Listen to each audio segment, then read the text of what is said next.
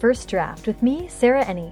Today I'm talking to Sara Goodman, editorial director for Wednesday Books, a new imprint from St. Martin's that is launching this fall. Sara has been an editor with St. Martin's since 2007, and she edited some of my very favorite contemporary writers Stephanie Kuehn, Courtney Summers, Sarah McCarry, and Rainbow Rowell, among others. She's already brought a distinctive voice to St. Martin's through her projects, and with the launch of Wednesday Books, Sara is looking to broaden that list and focus on young adult books with crossover appeal.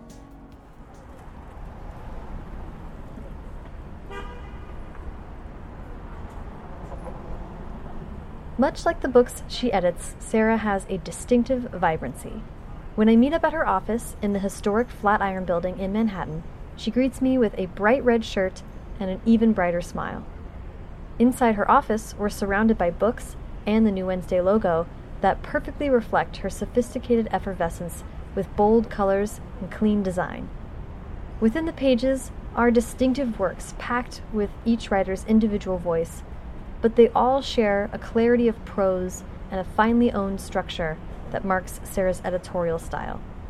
I'm thrilled she's getting the chance to help shape a new imprint, and so thrilled she could make the time to talk about her wayward path to editing and the nuts and bolts of what exactly is entailed in building a new imprint from scratch, something that hasn't been done at St. Martin's for 17 years. So, clutch your disposable Anthora coffee cup, get your to be read list at the ready, and enjoy the conversation.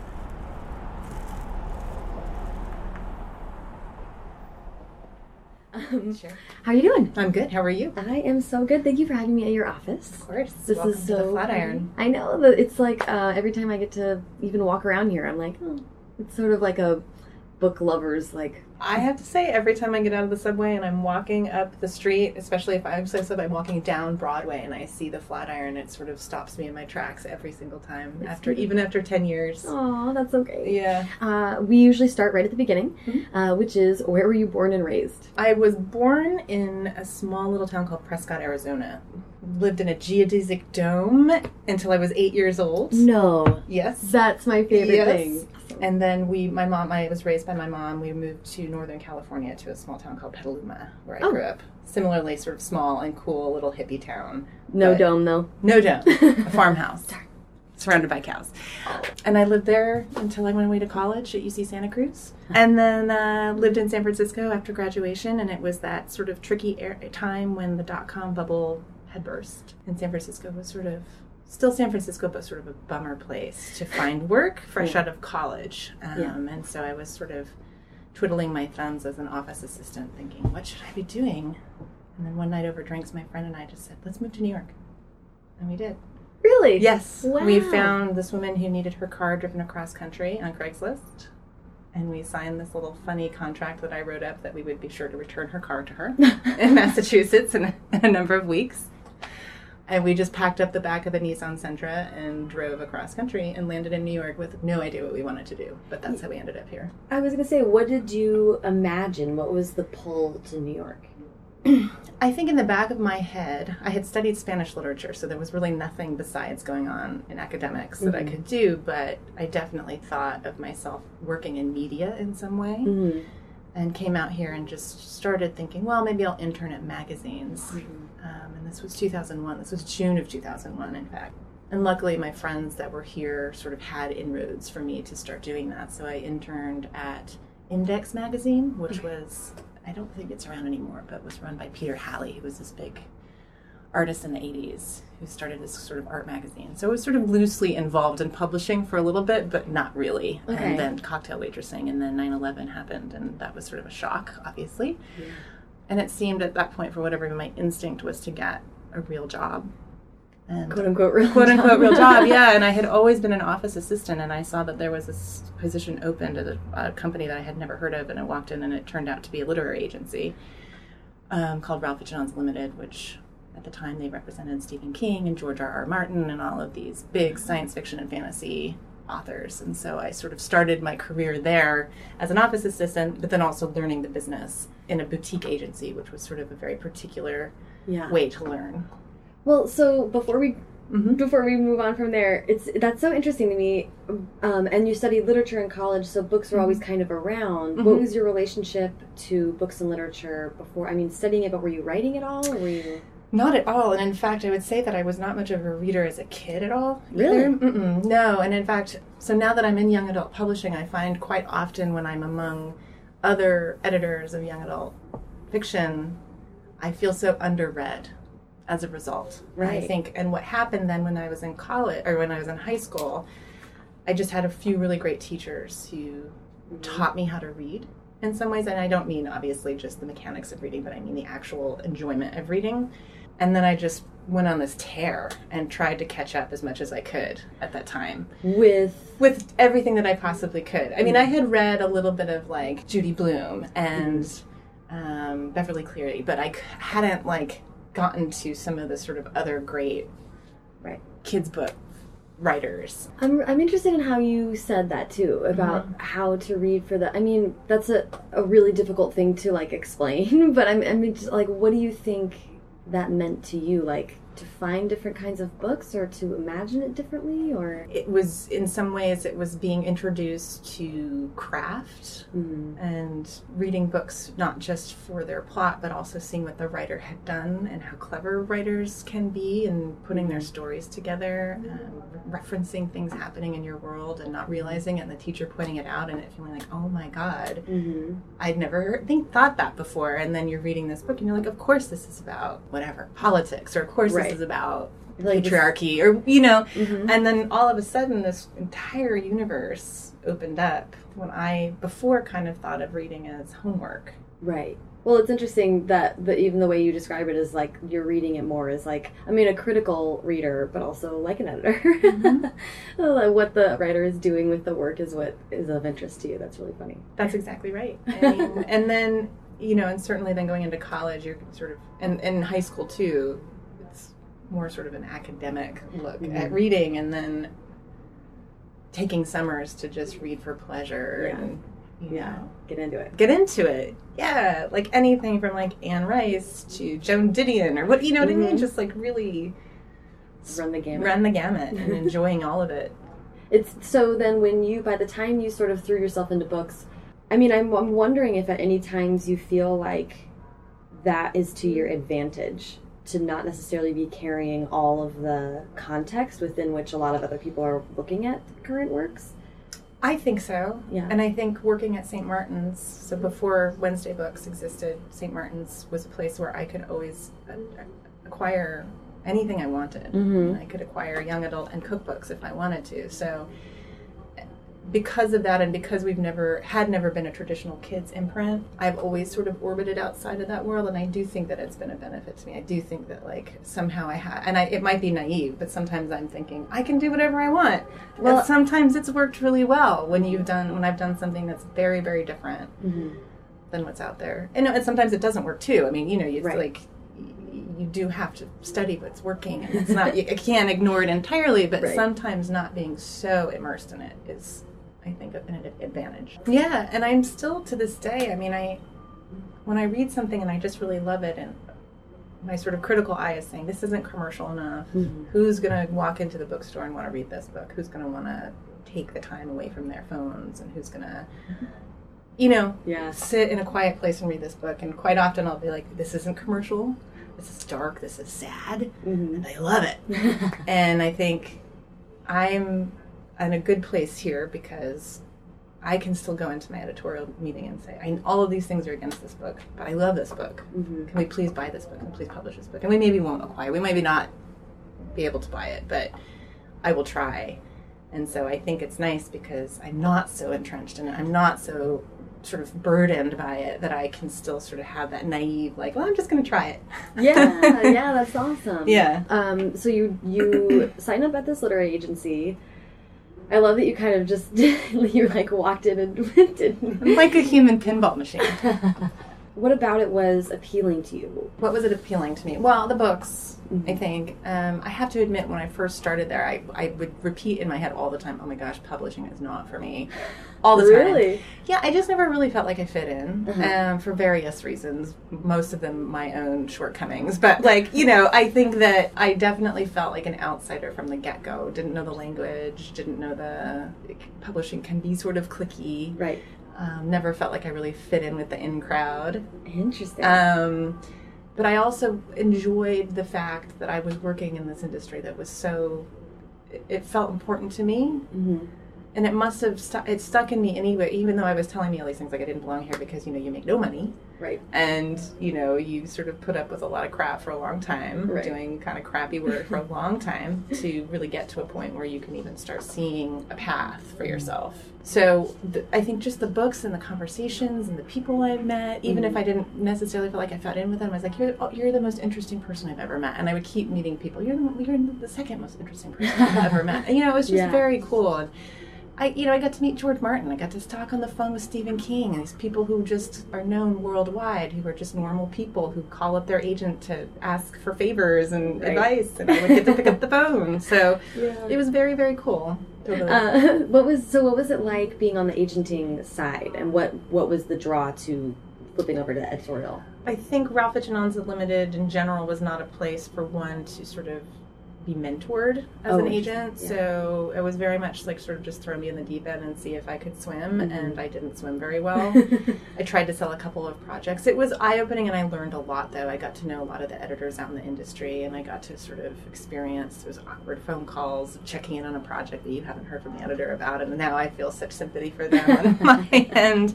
I just didn't. I just know. I didn't feel. Also, I think the agent author relationship is um, there are fewer boundaries hmm than there are between editor and author. Mhm. Um, even though I get, I become very close with my authors, and I'm happy to become very close with them. But I think on the agenting side, it's like you are the directly responsible for Mhm. so many things.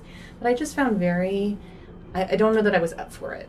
Yeah. I don't know that I was up for it. So I think now I might be. Now that I Mhm. understand it a little bit more, but then I wasn't.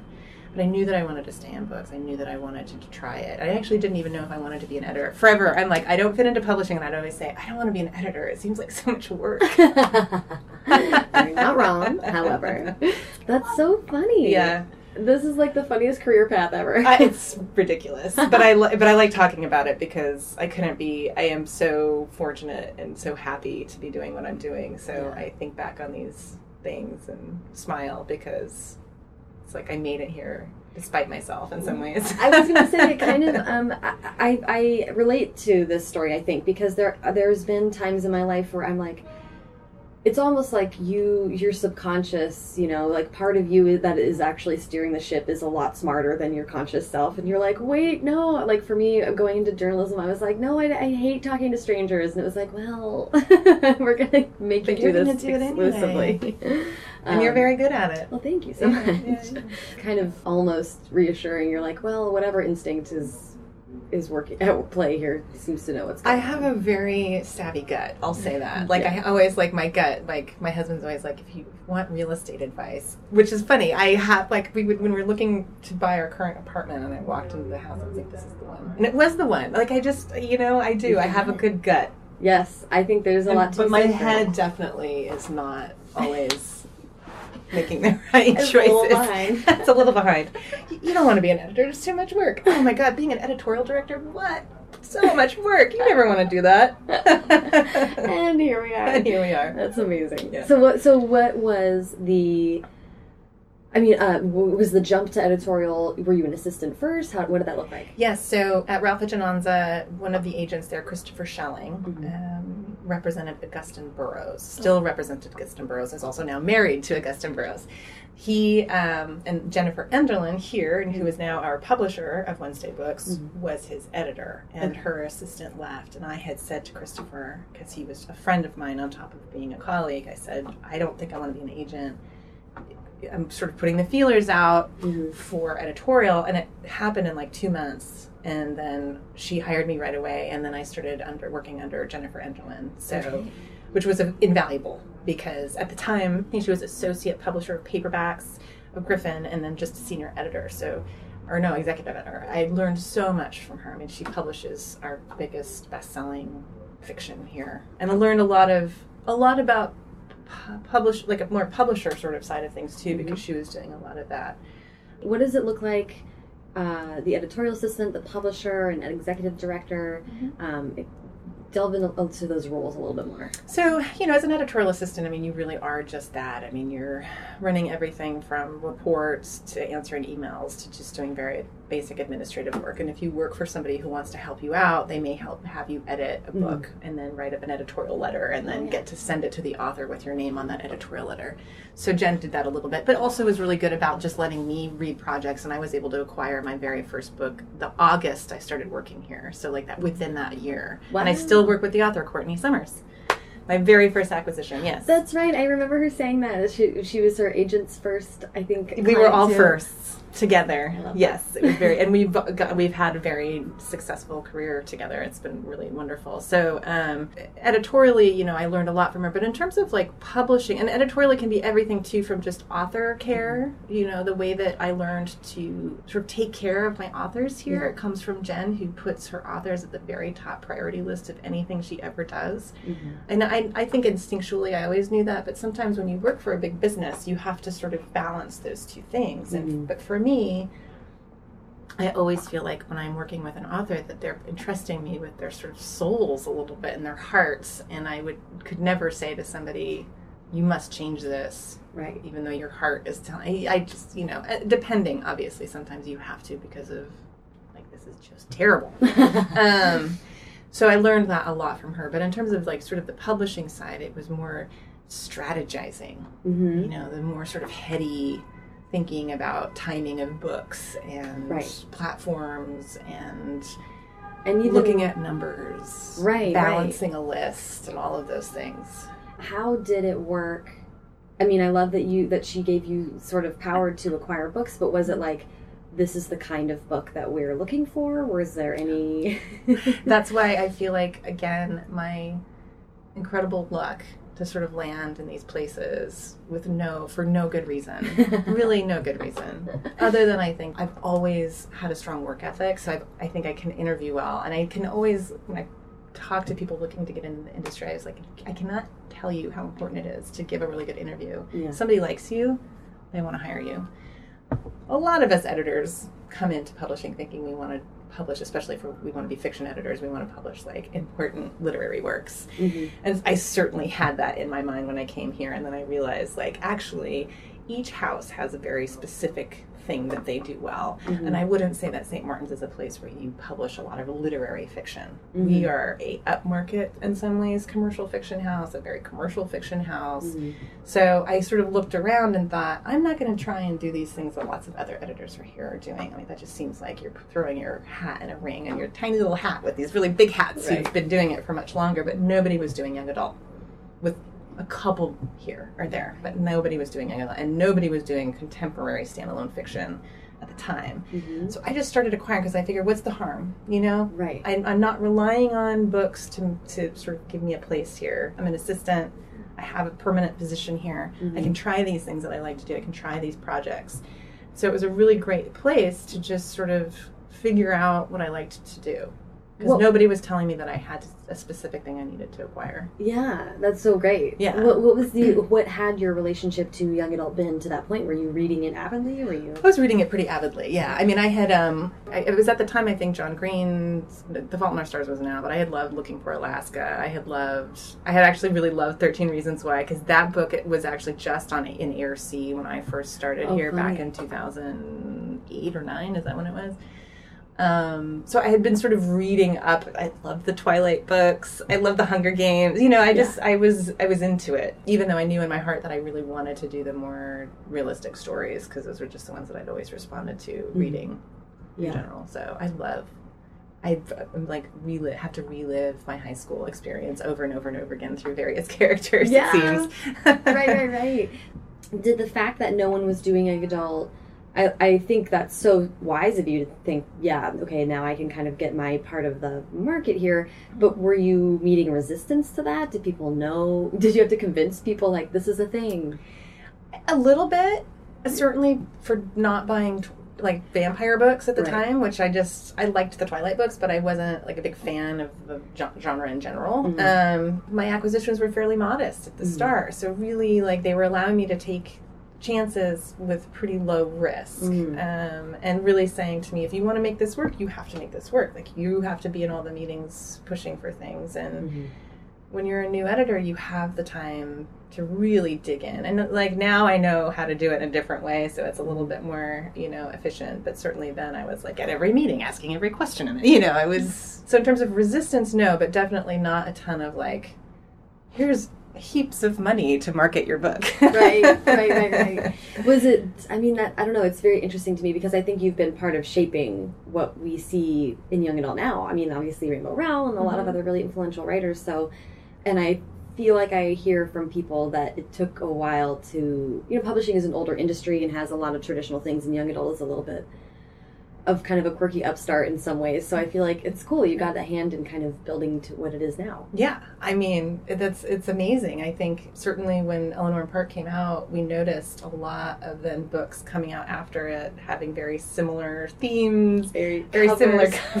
covers. That's the funny part. Like Rainbow and I sometimes like send funny emails back and forth. I was like, "Have you seen this one? it looks just like it." which is great. It's flattering. Like, there's it, exactly. It Like, means come on, that the it's so cover really flattering. of course it is, and I can look at my some of my covers that I've done. I'm Like, oh, that looks just like everything, everything, or whatever. You know, like I can. Uh, it happens on on my end too. It's just you know, you want to. You're like, oh, we can do that now. Great. yeah. Let's not put a dead-eyed girl on the cover, which was just the norm for the longest time. I called them my dead-eye Ophelias. Like I was, they were just everywhere. It's like, why do all covers have to have a girl laying down with no focus in her irises? yeah, it was. It was disturbing for a while. It's very nice to look at the shelves now and see like a lot of color and a lot of a lot of color, illustration and fun stuff. So, so let's talk about Wednesday and how this came about. Mm-hmm. I'd love a, just kind of an overview of like what is an imprint, how does that work within a house, and I, this is the first imprint in what like 17? 16 years, yeah. So, how did the decision come about to even start a new project like you that? know, I had been thinking a lot about the young adult category in general over the mm-hmm. last couple years and how I find it very limiting. Um, and it's a necessary category, obviously, because you you go you don't want to be competing with adult sales because the sales on those are just bigger. I understand why it has to be separate. I understand why it has to be separate on the shelves. I understand why it has to be clear content wise for young readers. I totally get it, and yet I still fight against it all the time because I actually when people ask me and i'll get into this a little bit more when i talk about the crossover nature of wednesday books but in general like i tend to publish on young adult titles that could probably be read as an adult book but usually it's just about the voice to me because i have plenty of sex and drugs and, and you know dark content in my way it really has nothing to do with that Yeah. it's the voice so but it's such a gray zone Mhm. between for crossover reader. So, in terms of the imprint, it's something that I had been talking a lot about with my with my bosses, with my publisher, but also St. Martin's had never had an official teen imprint. We had Griffin Teen that existed released by name only. It wasn't like an official thing in the system or even in the industry. Wow.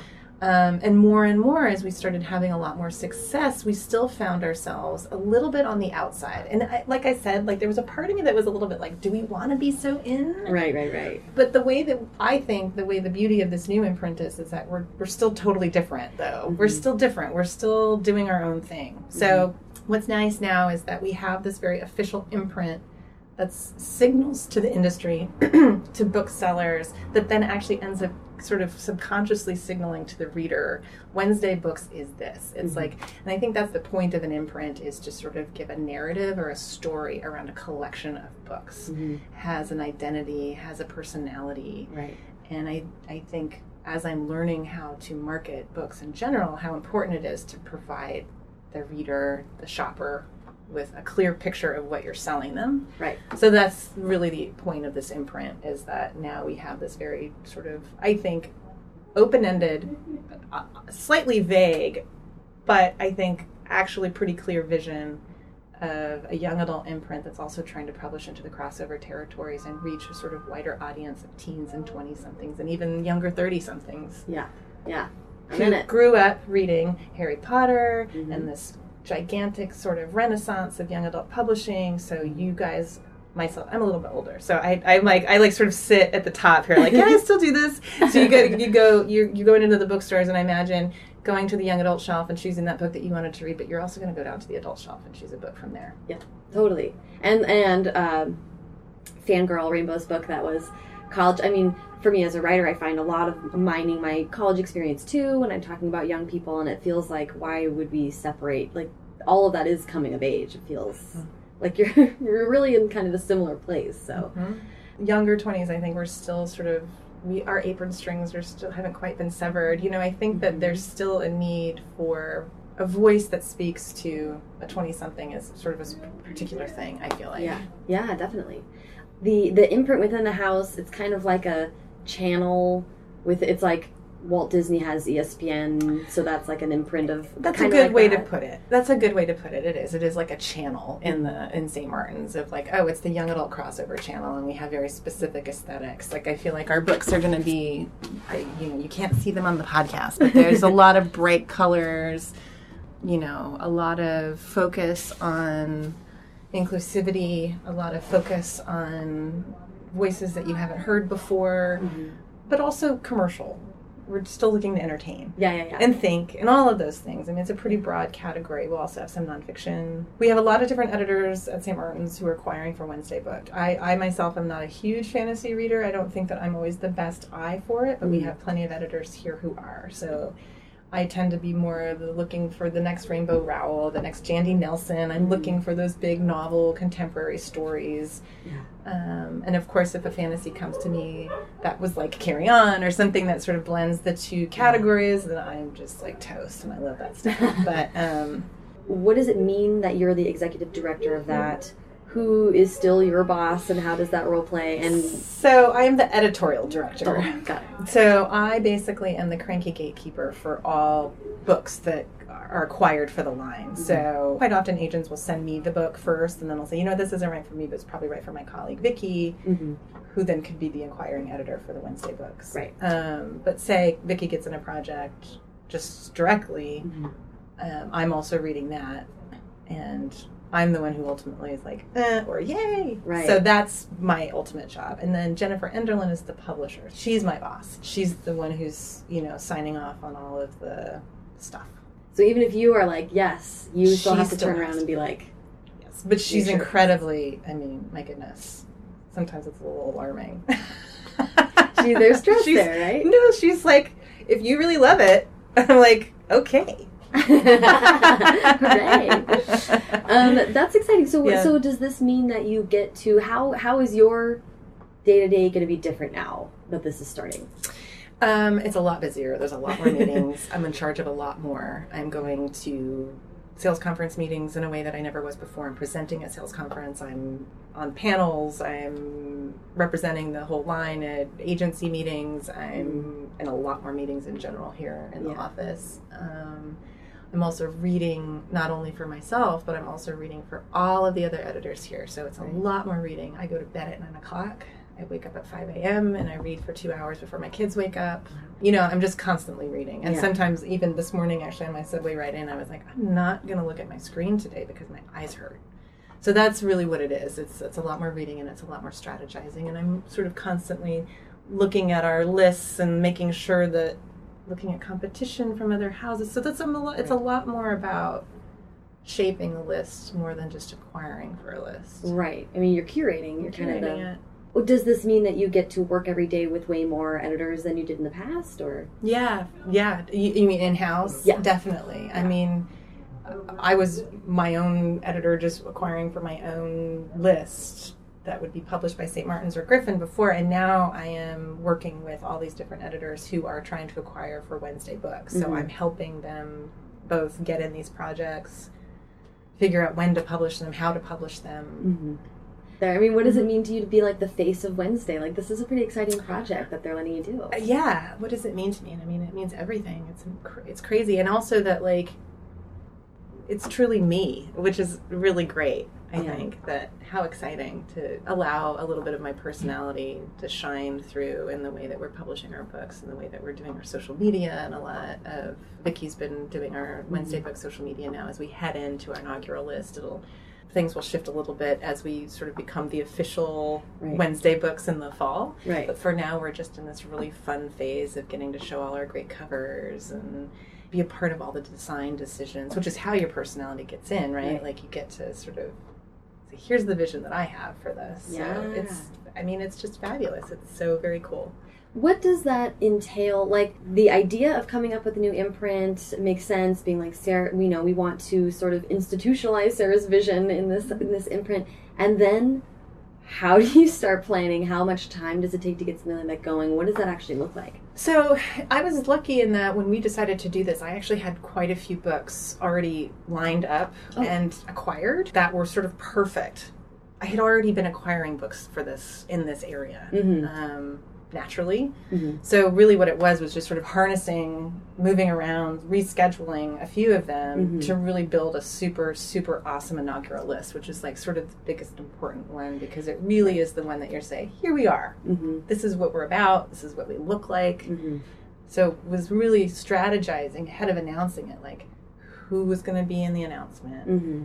what were what were the titles going to be on your very first list, Mhm. um, what's your logo, Right. what's your messaging, what's your tagline. Everything had to be perfectly sort of thrown together, and a lot of companies hire consulting firms to do this for them. Bigger companies, publishing doesn't have that kind of cash, so we're doing it in house, and it was very like team oriented and I worked I worked very closely with Olga Grlic who has designed many of my covers. She's done all of Rainbow's covers and she's been she designed the logo on the bag. Mhm. Um, she's been instrumental too in helping me really give a clean, clear aesthetic Mhm. to the um, the way the imprint looks. Mhm. So it's been all of that stuff. I feel like I'm working in this sort of cool, like ethereal land of you know like brand colors marketing. and brand marketing. Yeah, it's it's really interesting stuff. yeah. We got a lot of the nuts and bolts. Like our our fall list is lined up really nicely. We have a lot of that already in place, and so now as we're approaching fall and the actual debuts will be coming out, now it's really thinking about just having fun with it and Mhm. Telling everybody in the industry, hey, look what we're doing. I mean, we've already sent out the present out. Obviously, people are aware of it, but now we get to do the cool stuff. Now we get to like send around the brochures and the Yeah. tote bags and the. Mm. And what are? Do you want to tell me some of the titles that are in the first? It's fall, right? It's fall 2017. Yes. So we have um we have let's see we have one adult title on the list for Wednesday books, and it's actually a paperback reissue of a book called the um uh, and you may have to the Invisible Life of Ivan Isaenko, which we published as an adult book first at St. Martin's under hardcover, and now will be a paperback. It's a coming of age story about a young boy who's missing his limbs in a Ukrainian um, home for disabled children, all told through his voice, but it's hilarious Whoa. and so heartwarming and lovely, and it's sort of a classic coming of age story told through the point of view of a young boy, but for the adult audience. So a perfect example of a Wednesday book yeah. um, that can be read by both teens and adults. And then for the young adult um, list, which is very robust and exciting, we have I Hate Everyone But You by the YouTube sensations um, Gabby Dunn and Allison Raskin, who are just powerhouses, and we're really, really excited about this book, epistolary between two best friends going away to college, their first year college, and feeling sort of desperately lonely without one another. Mm-hmm. I have another book coming out. It's a debut called Everything Must Go by a debut author named Jenny Fran Davis, who um, has written this really great story. We're calling it the Where'd You Go Bernadette for the YA audience. It's also epistolary, but there it's it's it's epistolary, but there's also artifacts and Cool. pamphlets. It's heavily designed. I don't think I have an ARC here to show you, but oh, here I do. It is um, Um, a fish out of water story. A young girl named Flora Goldwasser who follows her teacher's aide, who she's in love with, to a Quaker boarding school in the Hudson Valley. Just because she wants to follow him there, and she leaves her Tony Upper East Side prep school to go to this sort of hippie boarding school, and she shows up in her sort of Jackie O type dress pants, and she's really into dressing in vintage. And here she is with all these people who are just like, you know, like in dirty corduroys and tunics, and being like, "Who are you?"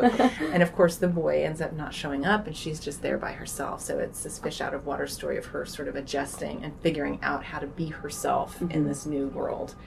Um, and it's again, it's all told through letters of back and forth to friends back home and funny news articles that come out That's so funny. In the book, there's this thing that is called no shell speak, so nobody at the school is allowed to comment on what the other person looks like. So, Oh. and she, of course, is a fashionista, Mhm. and she doesn't under she doesn't understand how to do this.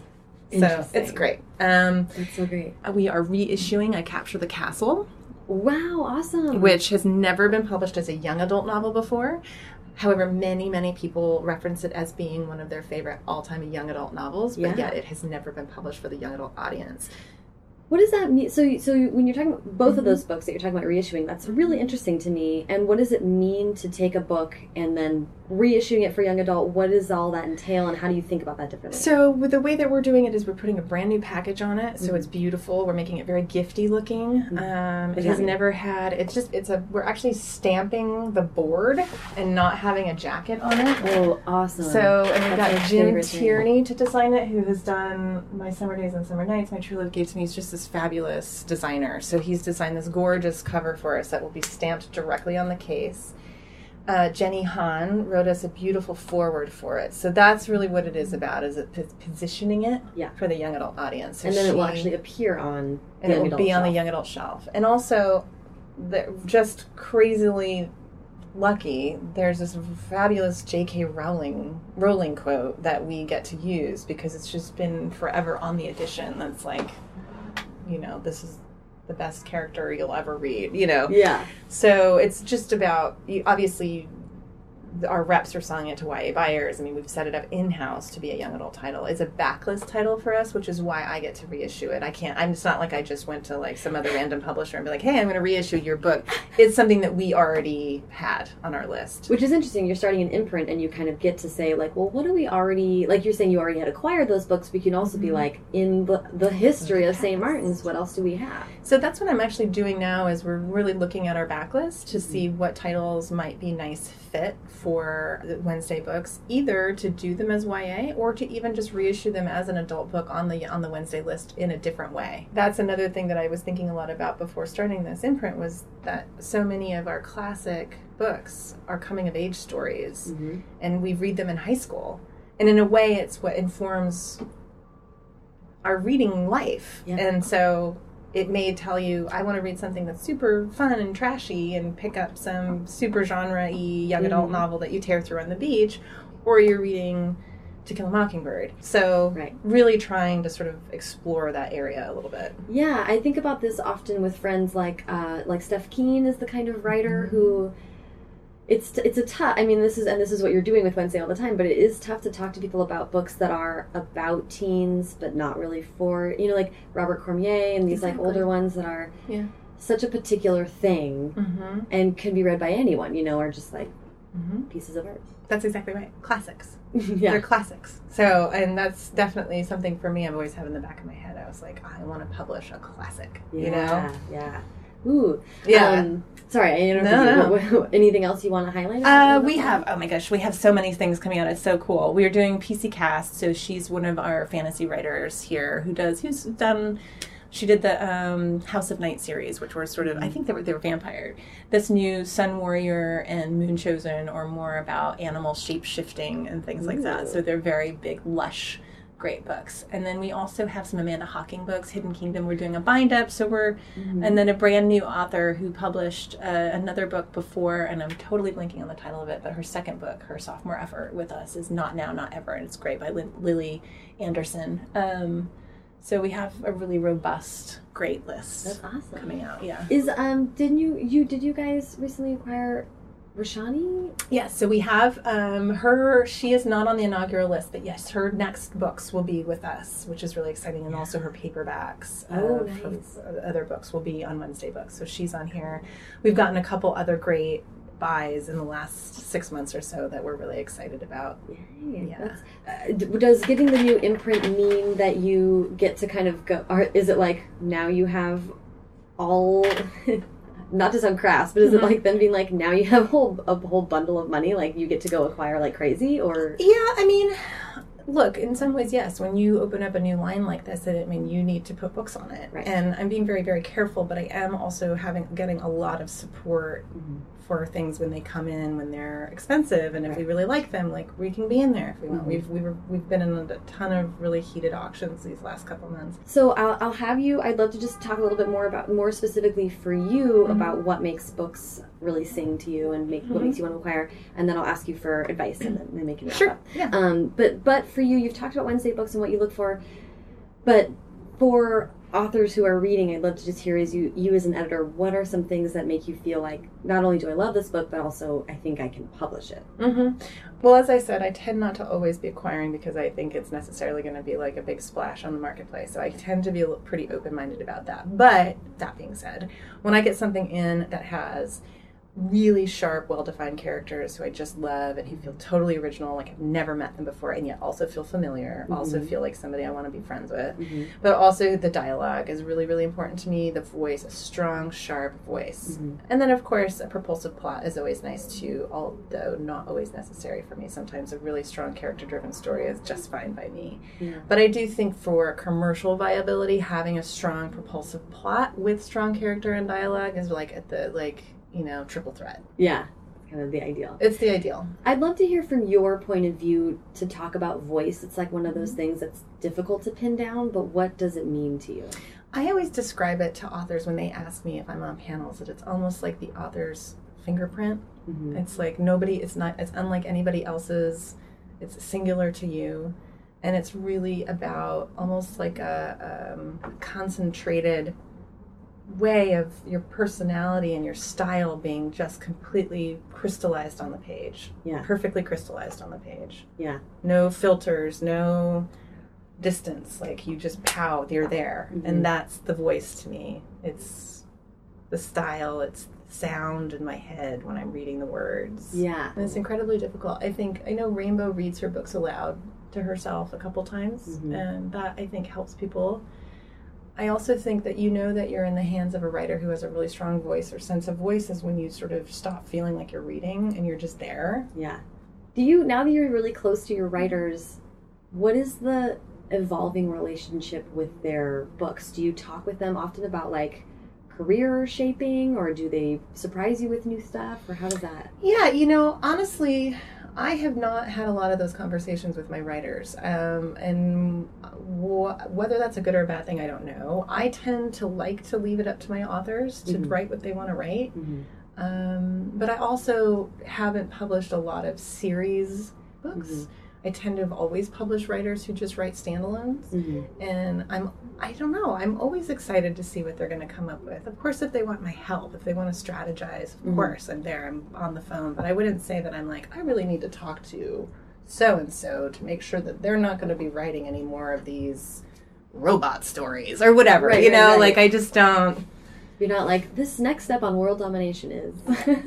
and that's possible why you know I don't have every single book of mine be a bestseller. But that's just, you know what I mean. Like I would rather have an author feel like they have a little bit of artistic freedom. Yeah. my point. Yeah, when you and when you acquire books by authors, is it is it always your intent or your hope to continue to work with them for you know for a career or Oh how do you- yeah, definitely. I think that that's part of it. When we when we acquire books here, we're definitely looking to acquire authors too who we think have big careers ahead of them and helping them sort of stay here at St. Martin's because Yeah. that's really you know, you can have these big authors that just come out the gate like an explosion, but then also for the most part, you know, you're building an author in house and you're growing their audience and you're really setting them apart. And, yeah doing doing fun things. I mean, it Mhm. fun to see when authors get to work consistently with a team. Like there does end up feeling like there's more of a story Mhm. to their career in some ways. I don't know, or it's, or it seems more obvious because you can do the similar part of it. covers. You can do the Yeah, exactly.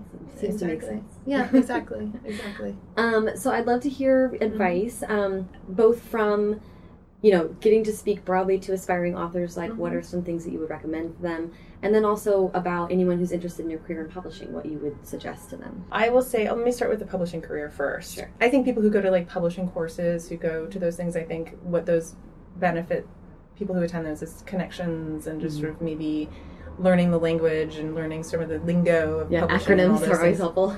Yeah, um, but I would say that if you're somebody who can't afford that or just isn't able to do that, that that doesn't mean that you can't. And I think interning is probably always, but that's also really difficult. But sometimes actually just like getting your foot in the door in any way that you can. It, look, it can be very hard if you somehow ended up getting a, an, an assistant position in a marketing department. It can be very, very difficult to move over to editorial. Mm-hmm. It can be, but I think you shouldn't. I think you should be open to trying all different aspects of the industry because there actually are a lot of jobs. It takes a lot to run a business like this, and Right. so you you might be surprised where you might be able to get your foot in the door. And don't be so narrow minded Yeah. like to, to just be open to trying all sorts of different ways of getting into Random House or yeah. St. Martin's. It's Um, easier to or- make the shift if you're in the building. exactly, exactly. Um, so that's one thing. You can't come into to working in publishing with any kind of chips on your shoulder. I think Mhm. you you know you don't make a lot of money at first. You really are doing a lot of grunt work. You kind of have to come in knowing that you're going to have to sort of get through those first couple of years really. But what you'll find though is that the people around you are the best people you'll ever meet, and that sort of keeps you from getting too bogged down and feeling like nothing's ever going to change. And it can feel slow, and you just have to feel patient, be patient. But look, and if you get in it and you've been doing it for a long time and you just find that you don't like it anymore, then get out. You know Yeah. what I mean? Yeah. Don't feel like you have to stick around either. But I do think that like you know, just being willing to sort of keep an open mind and try anything that you possibly can to get in the door is the best thing to Yeah. do. In terms of writers and advice for writers, that's that's a trickier one. I do think having an agent is important. Um, I think agents really know the business and really know how to begin the story of an author's Mhm. career before making it over to the editor's hands. They really know how to position Mhm. a book, how to tell an editor how to read it when they open the first page of the document Right. important to get an agent. In terms of getting an agent, oof, query, query, query. It's not an easy road. It's just not. But keep writing. Yeah. What? So what would um, what would you say if you if there is one? And this is a tough question. What would you say are some things that you almost always have to do with a book when you start editing it? Like like for authors who are looking to move on and get published traditionally, like what are some things they can kind of expect to go through with that process? When they if they get an editor, you mean? Yeah. For me, I mean, I really get into the books. I really, if a book needs it, I'll get in with my rubber gloves and you know Yeah. scrub away. Yeah. So I think not to get defensive, not to feel. Mhm. In a certain respect, you kind of have to let the book go a little bit once you've once an editor has acquired it and let somebody take it over for a little bit hmm not be too precious about it as much as possible Mhm. as much as possible I think that there's. I think sometimes with aspiring writers, there is. It can be difficult because you work so hard on making your manuscript really polished for an agent. Then often you work with that agent on that. That we there you sort of miss the step where it's like. Even when you sell the book, it's not done. Like you could you could have months and months. you of, could have months and months of editorial work Yeah. i mean truthfully when very very like seldom now do i take on a book that needs a ton of work Mhm. um, that often happens in like second third books and contracts when a book needs a ton of work i Right. i don't i rarely take on a real big clunker anymore And I say that affectionately because quite often, and look, it happens all the time where I read a book where I'm like, God, the voice is so good. Because you can't Right. edit voice. That's just something that happens, but the plot is a wreck. right. And I don't have a clear vision for how to fix it. Yeah. So, you know, Yeah, yeah, yeah. But what, that would make a difference if you were like, it just needs this one thing. Like maybe then you would think about. exactly. If there's if I can figure it out, then yes. But I Mm-hmm. tend to not take on anything that has a lot of work to be done on a first novel. Yeah, that makes a lot of sense. But you know, yeah, I mean, I think that you know you have to be prepared to do a lot of work in that Mhm. revision process, and it can be sort of really tough on writers. But to know that like you're there, you're Yeah. almost there, you know, you're in the door. Keep What keep keep keep keep going. yeah. What What about um. Uh, and, and we'll wrap up after this. The Mhm. last question. But when you are in a situation where an author maybe gets a chance to be on the phone with you Mhm. um, before selling, what are good questions that an author can ask Mm-hmm. to figure out which, if they are choosing between editors, which is a great position to be in, which um, editor might work well with them? I think depending on the on the writer, but I think if, if you're a writer who really wants to have a close relationship with your editor, I think you can ask them right up to say, you know, um, are you are you the kind of editor who would mind talking to me on the phone? um, to to talk through edits? Do you prefer email? That's sort of a nuts and bolts question. But I also think to say like, am I going to have a team working that I can be in touch with whenever I want? Am I going to be able to have direct conversations with the person marketing my book. Am I going to be Mm-hmm. able to talk to my publicist directly? Can I call you whenever I need to? Just sort of get a lay of the land a little bit about Expectations. expectations and the dynamic. I think even sometimes, uh, you know, I could, an, an author has asked me and sort of put me on the spot in a good way, which is that, what do you see for the cover? Like, sort of just get a sense of like aesthetically what the editor sees the book looking like out in the marketplace, and if it matches your own. Ooh, that's interesting. Mm. Well, this has been so great. I so appreciate you taking the time to chat with Of me. course, it's been my pleasure. Yay. Yay, thank you. Oh my gosh.